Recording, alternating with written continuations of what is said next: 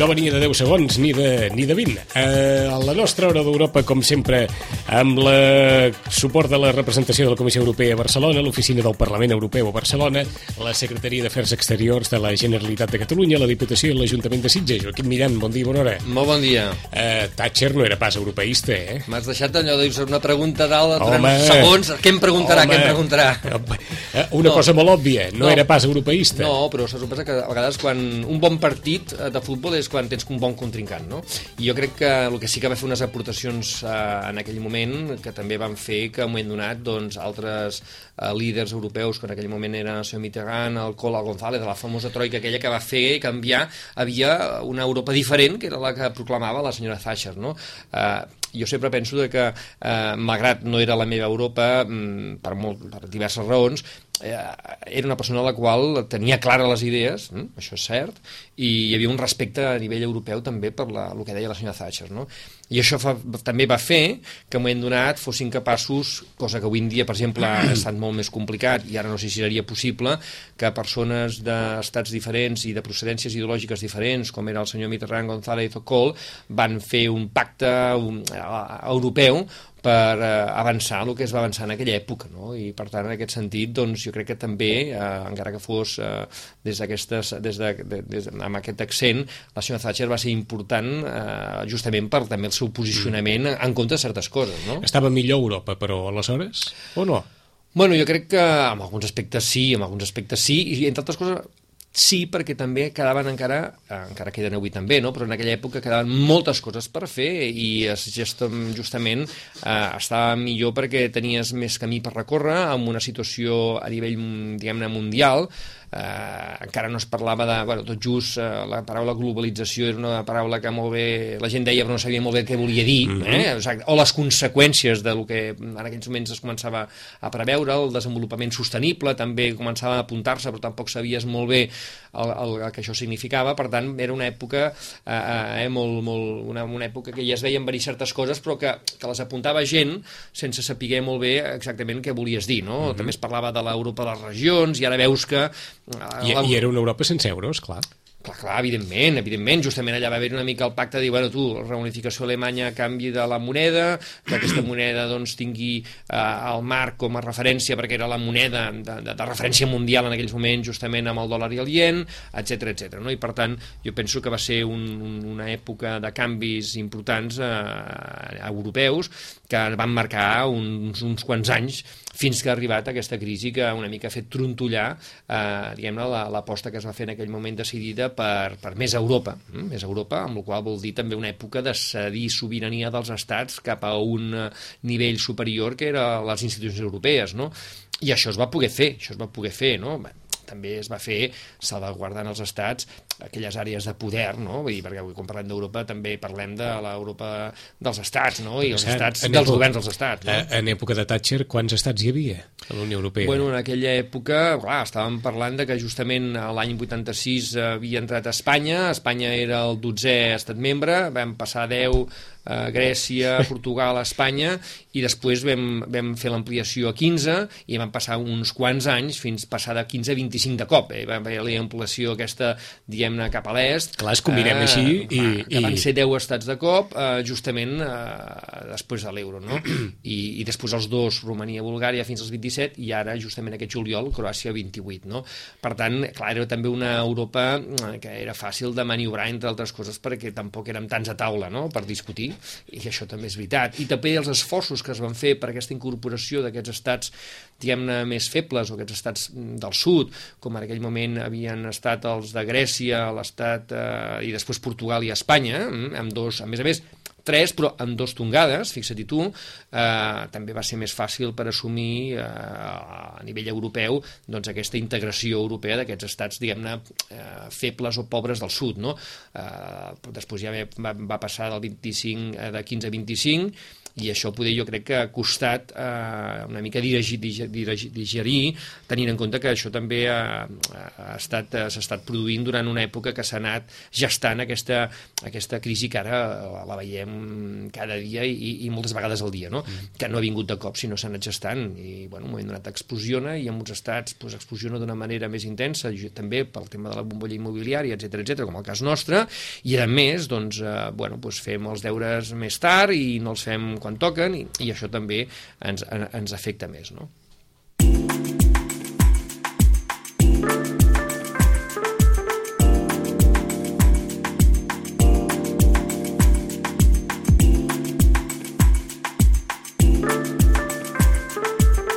Hem volgut començar recordant, vaja, un apunt de, de Margaret Thatcher d'aquella Europa d'aleshores i vagin a saber si, si Thatcher governés si les coses encara anirien d'una forma més dura o, o si Merkel quedaria com un zero a l'esquerra, davant del que diria públicament Margaret Thatcher amb l'Europa actual. Saludem en uns moments a Mònica Plana. La senyora Mònica Plana és llicenciada en Dret i especialitzada en la Unió Europea, vinculada a la Universitat de Girona des de fa 10 anys, primerament com a professora associada, impartint classes d'institucions i polítiques comunitàries i posteriorment com a responsable de formació i assessorament de projectes europeus en el marc de l'Institut de l'Euroinstitut Català Transfronterer. D'aquests moments li preguntarem a la senyora Plana què és aquest institut, que fa exactament, i la seva trajectòria professional ha estat sempre lligada al món local, on ha coordinat i gestionat multitud de projectes europeus des de les primeres convocatòries de germanaments entre ciutats o joventut amb Europa, a FEDER, LIFE o altres programes en el marc de la Unió Europea. Estem també en aquest missatge de l'Europa dels ciutadans, ens deia en Joaquim que el mes de maig de l'any que ve hi ha eleccions a la Unió Europea. Vaja, no sabem també si és una època massa massa bona de, o que serà una època massa bona per demanar als ciutadans una certa implicació amb les institucions europees, però anem a parlar de diverses coses. Saludem Mònica Plana. Senyora Plana, bon dia, bona hora. Hola, bon dia. Eh, què recordeu? Des de Girona. De, bon dia des de Girona. Eh, eh, us ha vingut a la memòria alguna vaja, no sé, alguna qüestió, com li preguntàvem en Joaquim Millan, de, de Margaret Thatcher? Mm.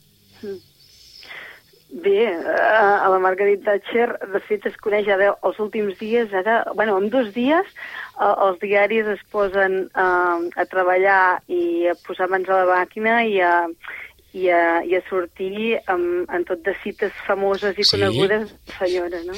Jo me quedo amb els twitters que hi ha hagut i tot, i potser molt vinculat amb... No sé, no he sentit, uh, he sentit poca estona de, del sí. que deia en Joaquim, però potser me quedo de torneu-me els meus diners, no? eh, eh, esclar, eh, si Thatcher fos viva i manés, potser Angela Merkel quedaria com un zero a l'esquerra, no?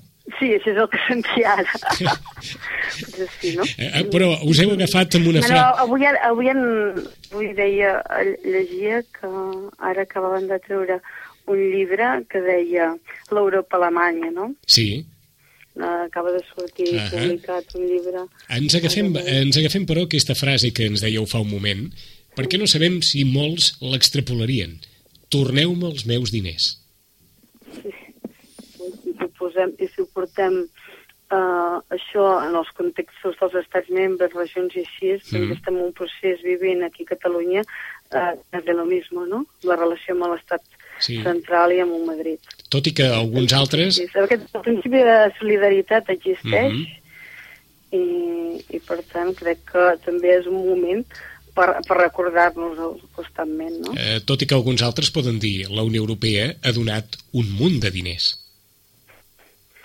Mm, també, també l'error o el nostre l'error o, o el principi de tot plegar que potser no els hem sabut gestionar correctament com, o, com calia o no hem sabut vendre-ho uh, de la millor manera o Europa no ha sabut vendre al ciutadà, com aquí a l'Europa dels ciutadans és el moment d'això, uh -huh. o l'Europa no ha sabut vendre que aquestes inversions que s'havien de fer en els territoris eren per desenvolupar i ser molt econòmic i, i territorial i ara en, en aquests moments veiem que potser uh, aquests diners que s'han desembutxacat no han sigut per desfer les disparitats entre les religions, sinó més que res potser per agreujar-les, fins i tot. O sigui que no... Que... Aquí grans generalismes, eh, ara.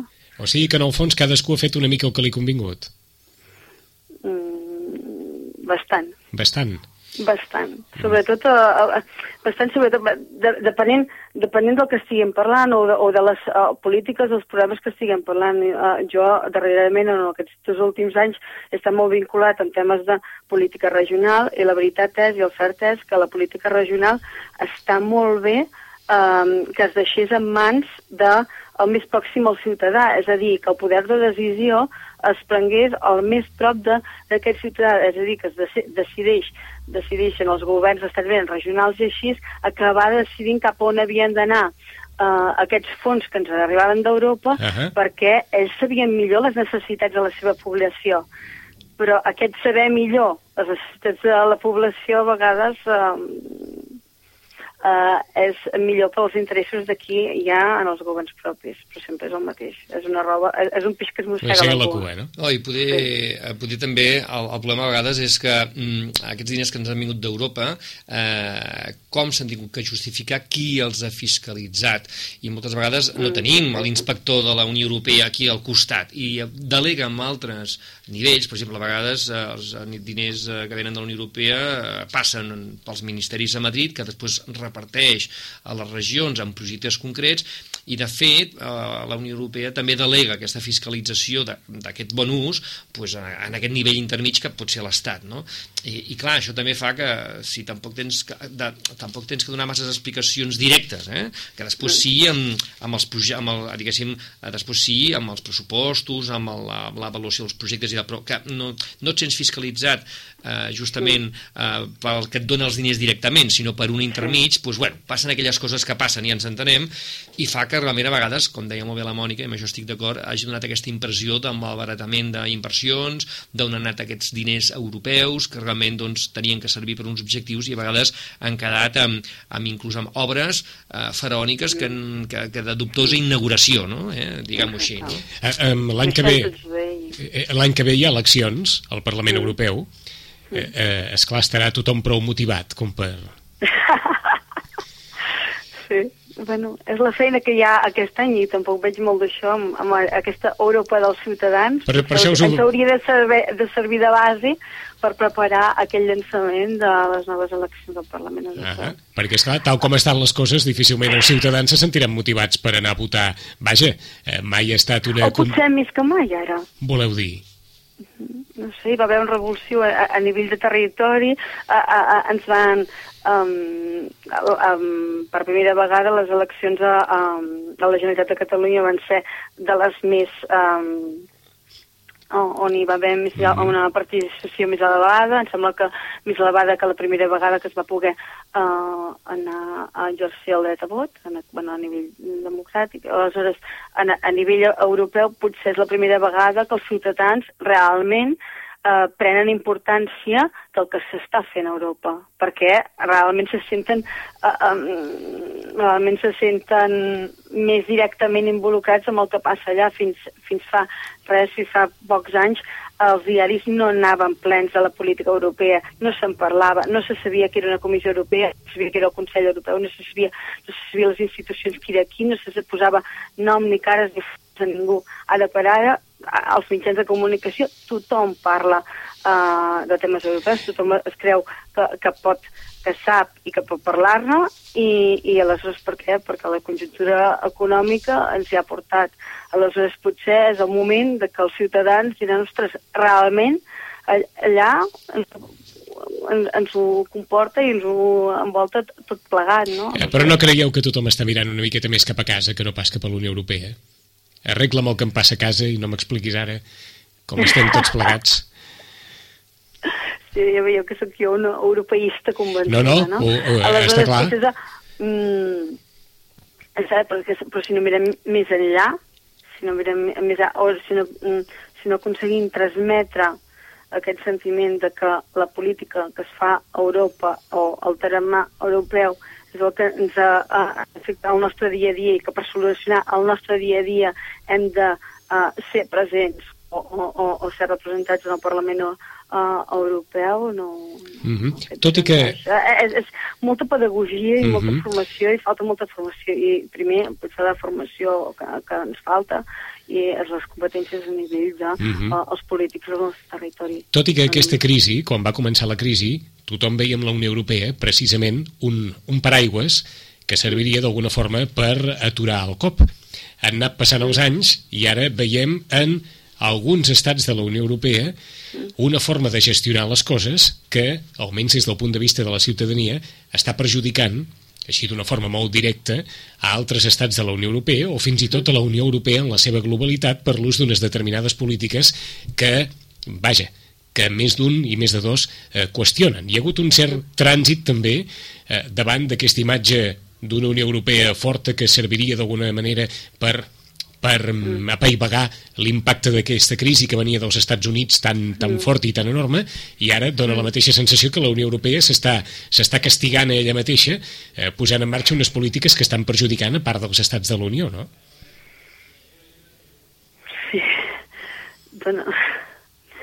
No sé si he dit una Però... cosa massa grossa o, o, o, no, no, no, ah, no, no, és que dic, dic no ho sé. No, a, a veure, això és la visualització que tenim tots, no? Uh -huh. Que potser alguna cosa se va, eh? La burocratització de tot plegat no ha acabat de, de semblar o uh -huh. la imatge de que no ha acabat de funcionar, però és que hem de pensar que l'Europa o la Unió Europea és, és molt... Eh, és, és un invent un, un, un invent del segle XX i, i és un invent que... Hem de mirar en positiu i que passarà per alts i baixos, i aquest és el primer alt i baix dintre d'un marc d'uns 50 anys, no portem més.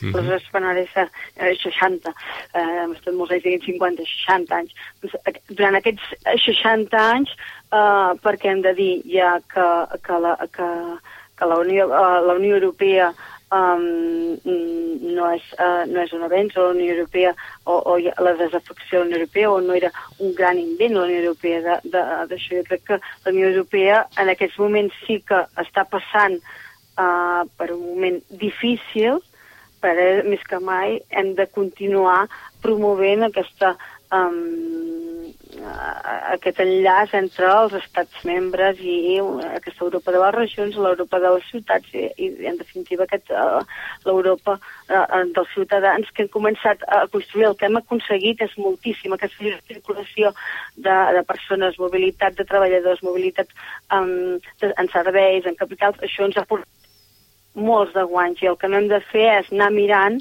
i ser pessimista anar mirant a, a, a aquestes um, uh, aquests desencaixos, uh, desencaixos a nivell uh, nacional, no? Potser ens hem de buscar, uh, uh, hem de buscar nous invents o potser sí que ara és hora de, de treure i tirar endavant un, un impost uh, europeu, no? que potser això arreglaria molts dels problemes que tenim actualment en el conjunt de la Unió. Però ens hem de creure, en principi, primer de tot, ens hem de creure que som ciutadans d'aquesta Europa. Ara no sé, però, senyora Plana, si dieu en veu alta això de l'impost europeu, mm? algú anirà a les institucions europees i farà algun disbarat, suposo. Perquè només faltaria que hi afegíssim aquí una càrrega impositiva més destinada o podríem recol·locar alguna de la que hi ha en aquests moments i, i, i donar-li un abast són europeu. Són, recursos, són recursos propis. O sigui, Europa necessita un, un recurs o una entrada pròpia i segurament s'està parlant, aquestes taxes verdes o s'està parlant, és allà. Mm. financeres, eh, això és... Oh, hi ha alguns... Allà, no. parlar i en parlarem més endavant. No? Mm -hmm. Què és l'Euroinstitut Català Transfronterer? O és, uh, uh, que és, que era, um, és un projecte, en definitiva un projecte de cooperació territorial. Un projecte de cooperació territorial entre dues universitats, la Universitat de Girona uh, i la Universitat de Perpinyà, Universitat de Perpinyà Cap de Files, Universitat de Girona uh, soci complementari, i en el marc d'això que dic, uh, cooperació territorial, però la cooperació més de proximitat, més de um, el que és la, la, la primera, la, la de frontera, la de cosir la frontera, és a dir, intentar, uh, intentar um, que realment o um, hi hagi um, a la frontera aquesta que tenim encara uh, menta, uh, mental de divisió entre estats membres de la Unió desapareixi i més que mai això es pot fer des de la proximitat de, en aquest cas, era un treball entre un, um, la província de Girona i Pirineus Orientals i uh -huh. aquest mhm. treball consistia en formar en formar els actors del territori, dèiem, actors del territori que vol dir, vol dir des de bueno, les persones, siguin del col·lectiu que sigui, sigui administració, sigui universitat, sigui empresaris, sigui societat civil organitzada, en el treball conjunt i en transfronterer, és a dir, um, perquè no podem compartir uh, projectes, perquè no podrem tenir una cambra de comerç transfronterera, perquè no podem parlar d'eurodistrictes, perquè nous uh, models de governança, perquè no podem parlar de projectes culturals uh, comuns a banda de frontera, on um, per sobre de tot siguin les persones i no que jo estigui, um, sigui nacional d'un estat membre de l'altre. És a dir, en definitiva, aquests projectes, o l'Euroinstitut, era un projecte que el que volia era això, no?, um, visibilitzar a, a, a Europa en el territori més immediat, no?, i que no se'ns faci una muntanya a creuar l'altre cantó de la frontera per anar a treballar o per anar a estudiar. I, mm, el que sí. I això és un treball de formigueta, no? Vull dir, per això, si, si amb, un, amb un context macro, que és la Unió Europea, aquestes salvetats o disparitats entre regions són bèstia i visualització del territori, doncs el treball de formigueta es fa des d'aquí, d'aquests projectes, petits projectes, que és el que fan que la gent vagi creient o vulgui creure en aquesta Europa del ciutadà. Mm. I com us ha funcionat fins ara? ha funcionat i ha funcionat molt bé perquè la mobilitat de... La mobilitat de ara, avui en dia, a Europa, allò que dèiem de, dels controls financers són, eh, seran i seran molt més rigorosos i aleshores la necessitat de uh, la Unió Europea serà poder controlar fins l'últim Mm, límit de despesa o d'inversió que faci en un territori. Aleshores es demanen resultats, impacte, resultats, sobretot resultats. En aquest cas ha funcionat perquè resultats s'han mobilitzat en dos anys, s'han fet més de 30 uh, eh, formacions a banda i banda de frontera, és a dir, s'alternava uh, a província de Girona amb Pirineus Orientals i això ha possibilitat i ha facilitat una mobilitat de públic de més de 1.000 persones, més de mil persones que han assistit a unes 30, a més de unes 30 formacions i per on han passat ponents especialitzats en temàtica transfronterera, uh, uns més de 60 participants. O sigui que um, l'impacte uh, uh, en el territori és real, perquè d'aquí aquest impacte també es tradueix no només únic exclusivament amb el públic que s'ha s'ha mogut, uh, amb els ponents que han intervingut amb les sessions uh, fetes, saber si això ha comportat que es fessin més o, o, o esdevinguin relacions entre persones o relacions entre institucions. I sí, és així. Hem, hem, hem aconseguit que es comencin a pautar bases de nous projectes, mm -hmm. nous projectes pel territori europeus i transfronterers que salven les distàncies de frontera. Això és molt important. 5 minuts i seran tres quarts d'onze. Us saluda Joaquim Millan, Mònica. Moltes gràcies, Mònica, per estar avui aquí entre nosaltres. Fins a propera. Moltes gràcies. Una abraçada. Adéu-siau, bon dia. Una abraçada a vosaltres. Gràcies.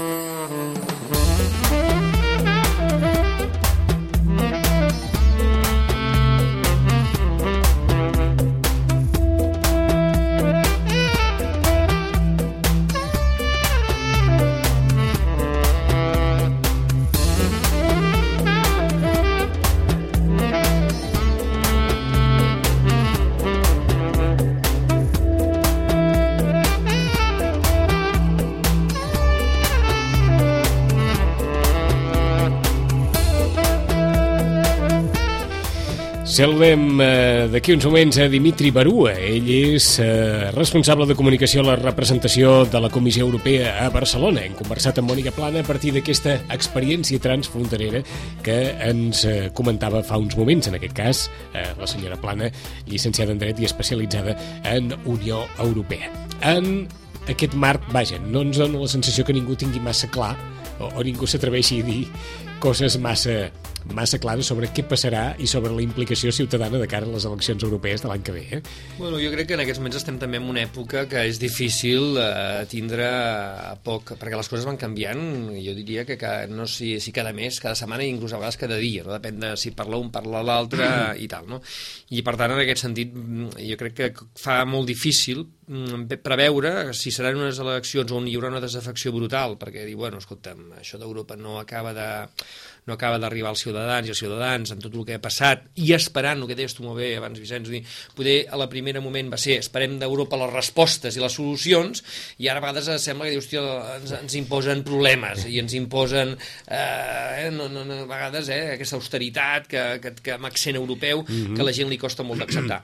I per altra banda, pot ser també, i amb això poder la Mònica tenia raó, eh, poder justament per això, i que perquè darrerament parlem d'Europa constantment, perquè veiem que Europa, per bé o per malament, ens afecta a les nostres vides, possiblement la gent agafi consciència que poder en aquestes eleccions europees hem d'anar a votar, mm, no tan sols quants diputats sortiran, sinó anem a, anar, anem a votar què es pensa fer durant els propers cinc anys, exigint que s'expliquin molt bé a, a les postures de cada partit polític amb una sèrie de temes claus com és el tema financer, el tema de feina, etc etc i poder, si, si la ciutadania, eh, si la ciutadania en aquest sentit eh, aprofitant poder aquest any europeu dels ciutadans pren més consciència d'això, poder apretarà més i poder els polítics i els partits polítics s'hauran de mullar més, no? I poder en aquest sentit jo no diré que hi hagi eh, una oleada de gent que vagi a votar, però poder mm, anirà a votar més gent de la que ens pensem perquè realment veuran que bueno, Europa també s'ha de mullar, no? I bueno, pues que es mullin els polítics d'allà, no? També. Home, si hem de fer cas a l'estadística, poca cosa, no?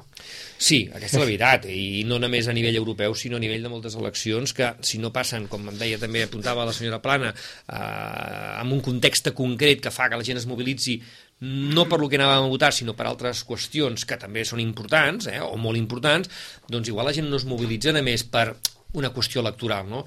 Jo penso que possiblement tenim encara un any, un any llarg de marge per, per veure que, com, com mobilitzem a la gent i com la gent pren consciència de que realment aquestes eleccions europees han de ser importants perquè marcaran eh, quin camí volem per sortir d'aquesta crisi d'aquí al 2020. I això penso que la gent, si més no ho ha de saber, després si van a votar o no, perquè poder eh, les propostes polítiques que els partits proposen o plantegen cara a les eleccions són engrescadores o no, serà un altre problema, no? Però jo penso de que la gent comença a ser més conscient de que Europa eh, és un nivell necessari i un necessari que decideix i decidirà en, en, en de quina manera aquesta crisi la, la salvem, no? I de moment veiem que hi ha diverses Europes que s'estan movent mm. en propostes diferents diferenciades de, del moment que vivim. No? Doncs anem a buscar matisos. Uh, Dimitri Barua, bon dia, bona hora. Hola, bon dia. Dimitri Barú és responsable de comunicació a la representació de la Comissió Europea a Barcelona i és funcionari de la Comissió Europea des de l'any 2004. Estàvem aquí donant voltes sobre si aquesta Europa que en principi ens donava la sensació que ens salvaria, ara és una Europa que ens ofega una mica, o si es pot matisar molt, això. Home, jo, jo diria primer que hem d'aprofitar aquest any europeu del ciutadà eh, per, eh, per, segui, per eh, seguir marcant que la, la Unió Europea és un projecte polític al servei dels ciutadans, és una cosa que perdem una mica de, de, de vista. Eh, volem aprofitar no només per parlar del, del, de les eleccions al, uh, al Parlament Europeu, que és evident que després en podem parlar, uh -huh. si, si voleu, però és, és evident que és el, eh, eh, eh, un element molt important. Eh, volem animar a la gent que, que, que vagi a votar perquè és molt important, però al mateix temps eh, volem recordar que és un projecte polític que, que, que proposa, per exemple, eh, gràcies a Europa hi ha una, una directiva de protecció dels consumidors que ha servit perquè ara a Espanya es matitzi, es, eh, eh, servi, serveixi per canviar els, els, els processos de, de desnonaments, per exemple. Eh, sí, són, són, són decisions europees que tenen un efecte directament sobre la, la, la, la vida de, de, de cada dia i això i en altres àmbits també eh, quan, quan anem a, a, a comprar coses eh, al, al aquí o per internet, que estem protegits com, com a consumidors, són tots elements que fan, no només ens hem de centrar en les eleccions, en la, en la gran política, sinó recordar també a la gent que Europa eh, té un efecte directe en les seves vides eh, al dia a dia, al marge de les grans discussions eh, polítiques, evidentment, que no, no volem evitar. Eh, ens ho heu posat molt bé, perquè gairebé ens heu posat els dos plats de la balança. Mm -hmm. Si tot això es fa pels ciutadans, els ciutadans compraran el plat de la balança que ha servit perquè d'alguna manera a l'estat espanyol es posi sobre la taula que tenim una llei hipotecària que no hi ha per on agafar-la des d'un punt de vista de l'ètica i de la moral aplicada als ciutadans. I per altra banda, molts us poden dir, escolti'm, tot això que està fent Europa de retallant per totes bandes, tot això es fa de debò, pensant en el benefici de la ciutadania? Doncs, eh, evidentment, estem en un procés de, de transició. Eh, el que he dit eh, molt, molt sovint és que si, si jo tingués un botó per eh, apretar eh, i un botó de creixement eh, seria, seria molt bonic, però no, estem, estem en la realitat. El que eh, Espanya està davant d'un procés de, de, de canvi de model econòmic i eh, Europa en aquest, en aquest sentit eh, acompanya eh, Espanya eh, Europa també eh, li exigeix algunes eh, reformes estructurals eh, molt, molt importants. Jo crec que ningú eh, pot disputar la, la, la importància de, de, de, de fer reformes eh, per eh, unificar el, el mercat eh, intern a nivell de, l'estat espanyol, per liberalitzar algunes professions, eh, que eh, aquesta liberalització podria aportar un plus de creixement. Eh, hi, ha, hi ha també eh, reformes en marxa per crear una autoritat eh, pressupostària independent, que, és, eh, que vol dir més transparència. Aquestes són, són reformes que s'ha de fer. Uh mhm. -huh. I nosaltres veiem, eh, molt, molt sovint és veritat que es posa l'accent sobre l'austeritat, la, la, però aquesta austeritat per una banda, és, és fruit de la dificultat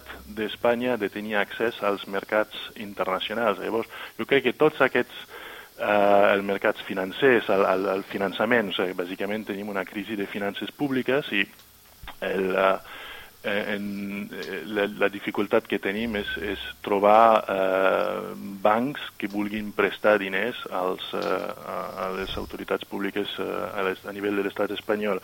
Per tant, jo crec que totes les reformes que fa, eh, que proposa Europa, que està fent a poc a poc el, el, a nivell de l'estat espanyol i que estan aplicant les autonomies, eh, són, són reformes que volen facilitar aquest accés al finançament i d'ahir també la, el tema de la consolidació dels bancs eh, a nivell de, de, de l'estat espanyol és molt important perquè pugui tornar a fluir el crèdit, perquè eh, les empreses puguin tornar a tenir accés al finançament i al mateix temps les entitats públiques i això eh, ens permetria eh, sortir de la crisi. És, és el sentit general dels esforços que, mm. que estem fent. De tota manera, dues qüestions. Una, no creieu que això té unes conseqüències socials mm, que també d'alguna manera eh, s'haurien de posar més sobre la taula del que s'estan posant? I una altra, eh, els bancs han de donar el diner però els estats, i sobretot l'estat espanyol, ha donat un munt de diner als bancs també, no? Mm -hmm. Doncs, eh, evidentment, estem molt, molt conscients de l'impacte social que estan tenint les mesures. Un altre cop, estem, insisteixo, és un, es tracta d'un canvi de model econòmic que hem, hem passat bàsicament d'una bombolla immobiliària, eh, d'un creixement insostenible i, i ara estem pagant les conseqüències. Eh, per tant, no és un problema que es pot resoldre en un dia. Eh, estem molt conscients d'aquestes eh, de l'impacte social i per tant eh, nosaltres estem en procés d'analitzar eh, les dades que eh, ens ha proporcionat el govern espanyol, també estem analitzant les dades de creixement i, es, eh, i mirarem, evidentment, amb molta atenció. Eh, tenim decisions molt importants eh, cap, a, cap a finals de maig. Eh, eh, és, és un procés llarg perquè evidentment és un procés que, que ha de seguir un anàlisi molt racional de la, de, la, de la situació econòmica a Espanya i nosaltres hem indicat que estàvem disposats eh, a, a, a, a, a agafar mesures eh, però sobre la base de les xifres consolidades que, que, que podem tenir, les xifres de la, del, del, creixement, del creixement econòmic a Espanya i també les xifres de, eh, finals del dèficit.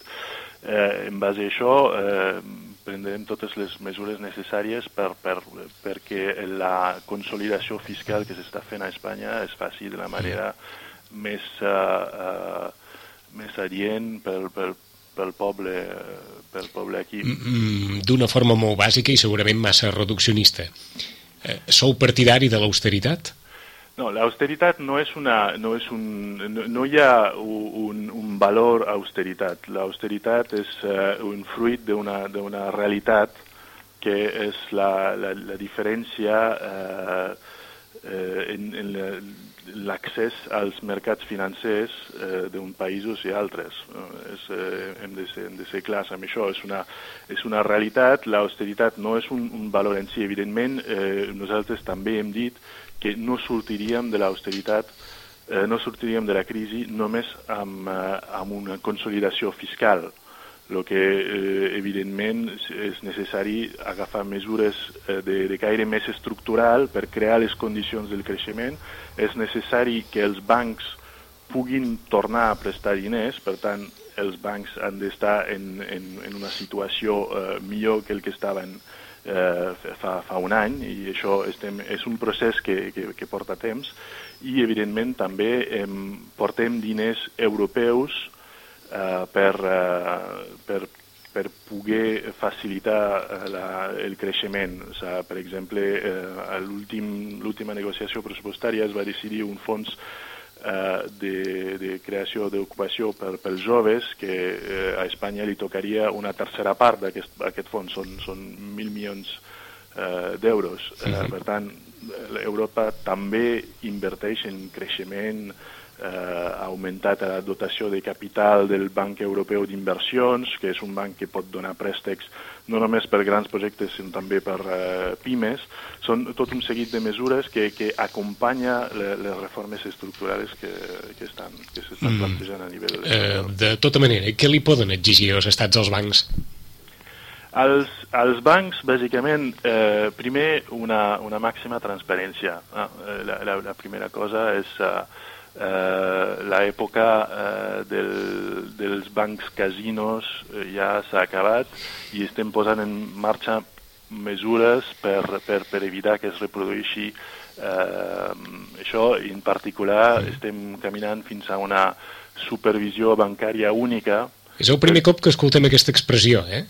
La de Banc Casino. Uh, sí, perquè eh, bàsicament el, el que ha passat a, a, a, a Xipre, el que pot passar a Eslovènia, són, són, són eh, defectes de la supervisió bancària que, que ha passat eh, que, i que també ha passat malauradament eh, en algunes eh, eh, caixes a, a l'estat espanyol. Eh, és, un, és un problema eh, que, que, que, eh, que ve del passat, i Europa proposa solucions per, uh, per, per consolidar els balanços mm -hmm. dels bancs i evitar que es reprodueixi entre mil mesures que s'estan... Eh, perquè no, mm, no hi havia una altra manera de fer-ho, diguem-ne, una mica més sensible en lloc de fer-ho en cap de setmana de vacances en què els bancs estaven tancats ah. i quan tornessin a obrir la gent ja es trobaria que no pot treure els diners, etc etc. no hi havia una altra forma de fer-ho, diguem una miqueta més, no sé si bueno, dir-ne humana, per dir-ho d'alguna no, manera. Vostè, vostè ho pinta una mica com s'agafen les decisions una mica amb alevosia. Contem que eh, aquests, eh, aquests nivells de, de decisions eh, són decisions que poden tenir un efecte molt gran sobre el, uh, els mercats. Per tant, mhm. -huh. és, és lògic que s'agafi, eh, que es prengui aquestes decisions a nivell eh, bueno, un cap de setmana, quan eh, les bosses estan eh, tancades... D'acord, voleu dir que hi ha raons per això, eh?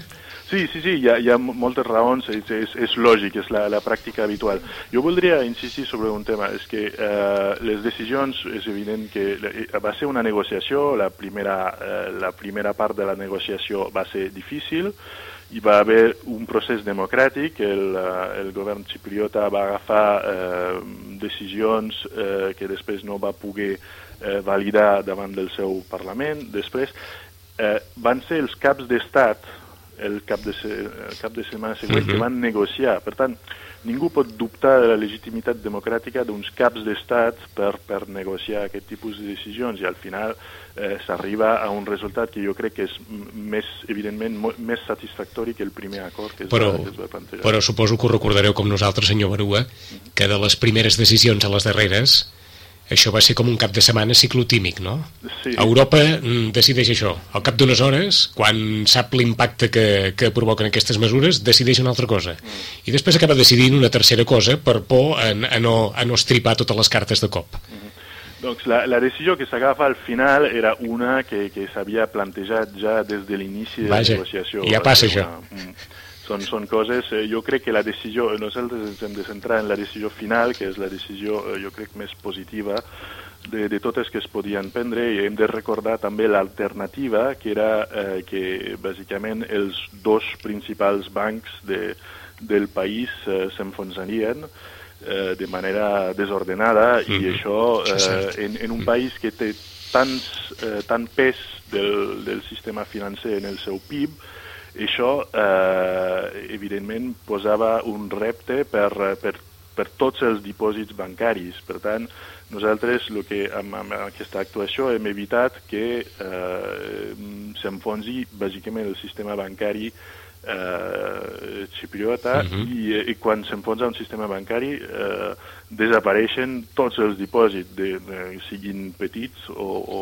o, o de més de o de més de 100.000 euros. Per Mhm. tant, jo crec que hem evitat aquesta, aquesta catàstrofe. Eh, en, un, en un minut, eh, els portuguesos, que ja en deuen estar tips de tot, mm, què se'ls pot dir, ara? En aquest moment, eh, el que passa a Portugal eh, és que hi ha, hi ha avanços en, el, en, el, en la consolidació dels comptes eh, portuguesos. La Comissió també ha proposat eh, en, en, eh, un, la, la, si, si tot el, el programa que s'està posant en marxa se segueix Mhm. eh, complint, eh, la Comissió ha proposat allargar els tèrmins dels, del pagament del deute, que seria un, un, una gran mesura per, eh, per eh, un gran alivio per l'economia portuguesa i per als pressupostos portuguesos. I en aquest moment el govern portuguès eh, està, està compromès amb, amb, amb seguir el, els passos també perquè eh, la, la, la balança eh, fiscal portuguesa està millorant i eh, el, la, el, el dèficit està, està més controlat, per tant poden, podran tenir una perspectiva de tornar als mercats eh, financers per, per financiar-se. Sort que ens que eh, en aquest moment tenim un, un, uh, un problema que el govern portuguès està, està intentant solucionar en, en el com s'està repartint l'esforç fiscal a Portugal, això Mhm. eh, és, és una decisió... El, del- el problema de sempre de tots els governs, eh?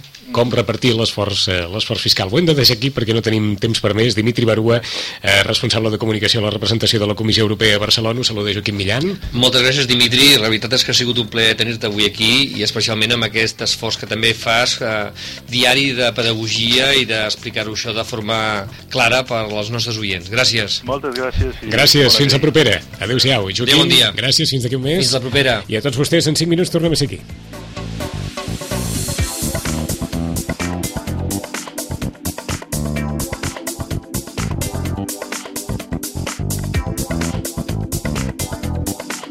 A Ràdio Maricel, cada dia, al matí amb nosaltres.